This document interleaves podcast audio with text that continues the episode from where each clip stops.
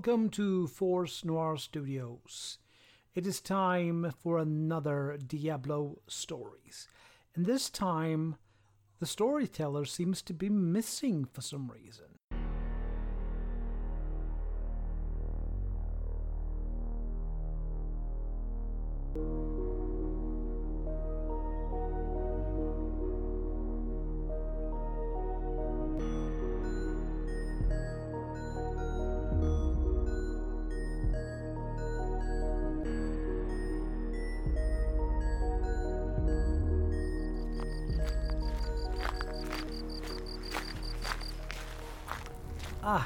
Hello. Are you looking for your friend, the storyteller? Yes, he told me to say sorry. You won't make it today. He is, how you say, sick to stop. He asked me to fill in for him. I believe he said you were going to discuss the creation of Sanctuary, our world. Now let me see. Where to begin? Ah, ah, of course, with Inarius. Inarius was an advisor to the Angiris Council, working under Tyrael's command.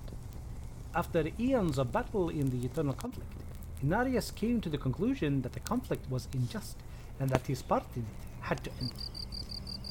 He sought out others that shared his view, and it is now that something incredible happened. Not only did other angels join his cause, but also demons.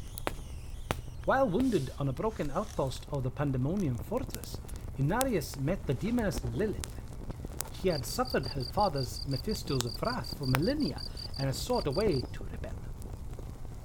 Now, something very peculiar happened. Combatants in the eternal conflict laid down their weapons and formed a union. In the midst of all this, Inarius and Lilith fell in love. This would come to alter the course of the war and reality itself. Lilith and Inarius pledged themselves to the other and to escape the eternal conflict. They gathered their followers and started out to seize control of the world. Now, this next part, I do not know how much is fact and how much is fiction, but it is said in the books of Kalan. Inarius and his new companions altered the frequency or dimensional alignment of the Worldstone, using its power to conceal it from the angels and demons still fighting in the eternal conflict. They shifted the massive crystal into a pocket dimension, and there they shaped a garden paradise around it, a world of refuge they would call Sanctuary. To protect the Worldstone, Inarius shaped Mount Arreat around the Worldstone, and then the rest of the world we know today was. This would change the eternal conflict in its core. The fight over ownership of the Worldstone became the search for it. What happened next is possibly the most important event in human history. Inarius and Lilith mated and created offspring. It is written in Druidic ancient tome Scéal Fada. And alas, we are our fathers and mothers, alike and yet opposite. One decay and the other light. Indeed, the union of the angel and demon created a third essence, and we are those children. We are the Nephilim. We exist as half angel and half demon, yet fully a new entity. And because of our lineage, they loved us. And because of our difference, they feared us. Within the trembling balance between love and fear is the relation of us to our fathers and mothers.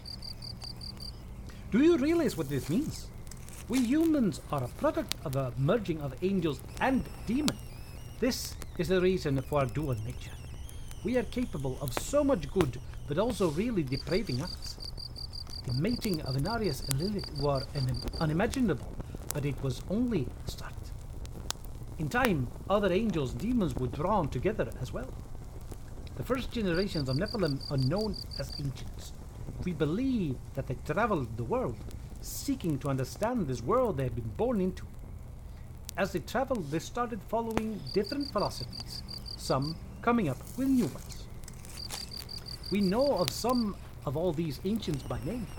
Bul-Kathos was incredibly strong, very tall, how you say, uh, big size. He was brave and had great fortitude. He is still today revered by barbarians from the area of Mount Arreat. They seem to all hail from this ancient since they embody his traits of size, strength, tenacity, and iron will. Bul-Kathos had a younger brother named Vasily. One text, a myth, tells that Vasily was frustrated and set out into the wilds. There, he developed an affinity for nature. His descendants are the Druids. Esu, a female ancient, was drawn to the ferocity and power of the elements. She learned to control and master the powers of storm, earth, fire, and water by meditation.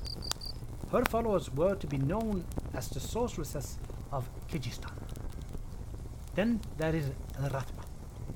He was a solitary being that sought out the deep caverns and hollows of the world. He studied the cycle of life and death, teaching this to those that was willing to come to his underground habitat. The Rathma was the patron of necromancers, valuing the balance of light and dark above all else.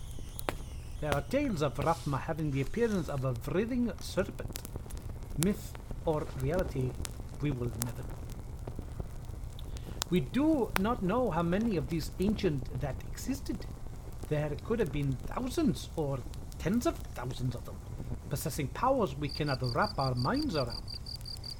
In any case, the powers these ancients possessed had a strange impact on those that had spawned them, their angelic and demonic parents. The renegade angels and demons realized that their offspring was far more powerful than they were. They made them uneasy. The Nephilim could become a threat to them, and there was also the possibility that they would bring the attention of heavens and hells. In the eyes of the heavens and hells, the Nephilim was the ultimate blasphemy. The renegades were convinced that they and their offspring would be destroyed if sanctuary was discovered. This sparked a conflict. Many, both angels and demons, argued that their offspring should be destroyed. Some argued that they should be spared. This argument troubled Inarius, so he called for a time of reflection. His followers agreed and went into solitude to reflect on the matter.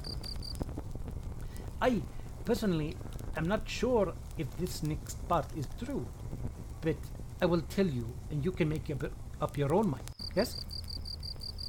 I read from a text that was found uncatalogued in Caldeum's great library.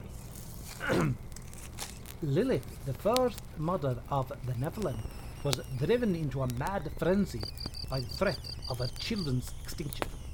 She morphed into a far more horrific, fo- horrific, pardon, horrific form that any had ever seen, of tooth and claw, of spike and blade, and hunted down her fellow renegades.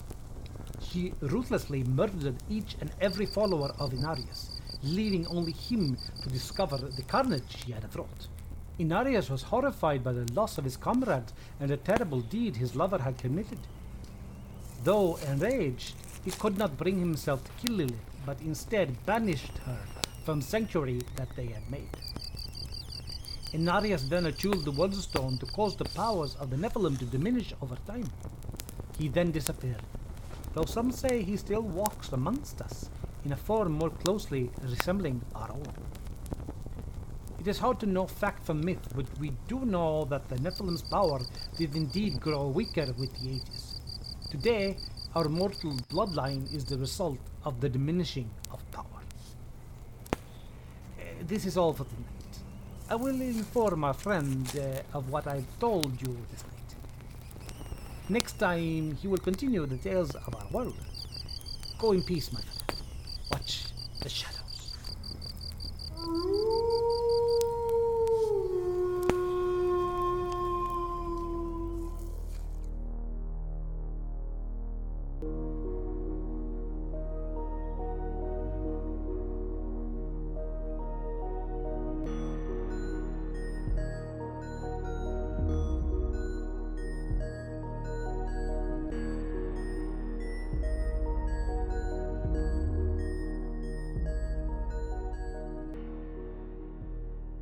Thank you for listening to today's episode.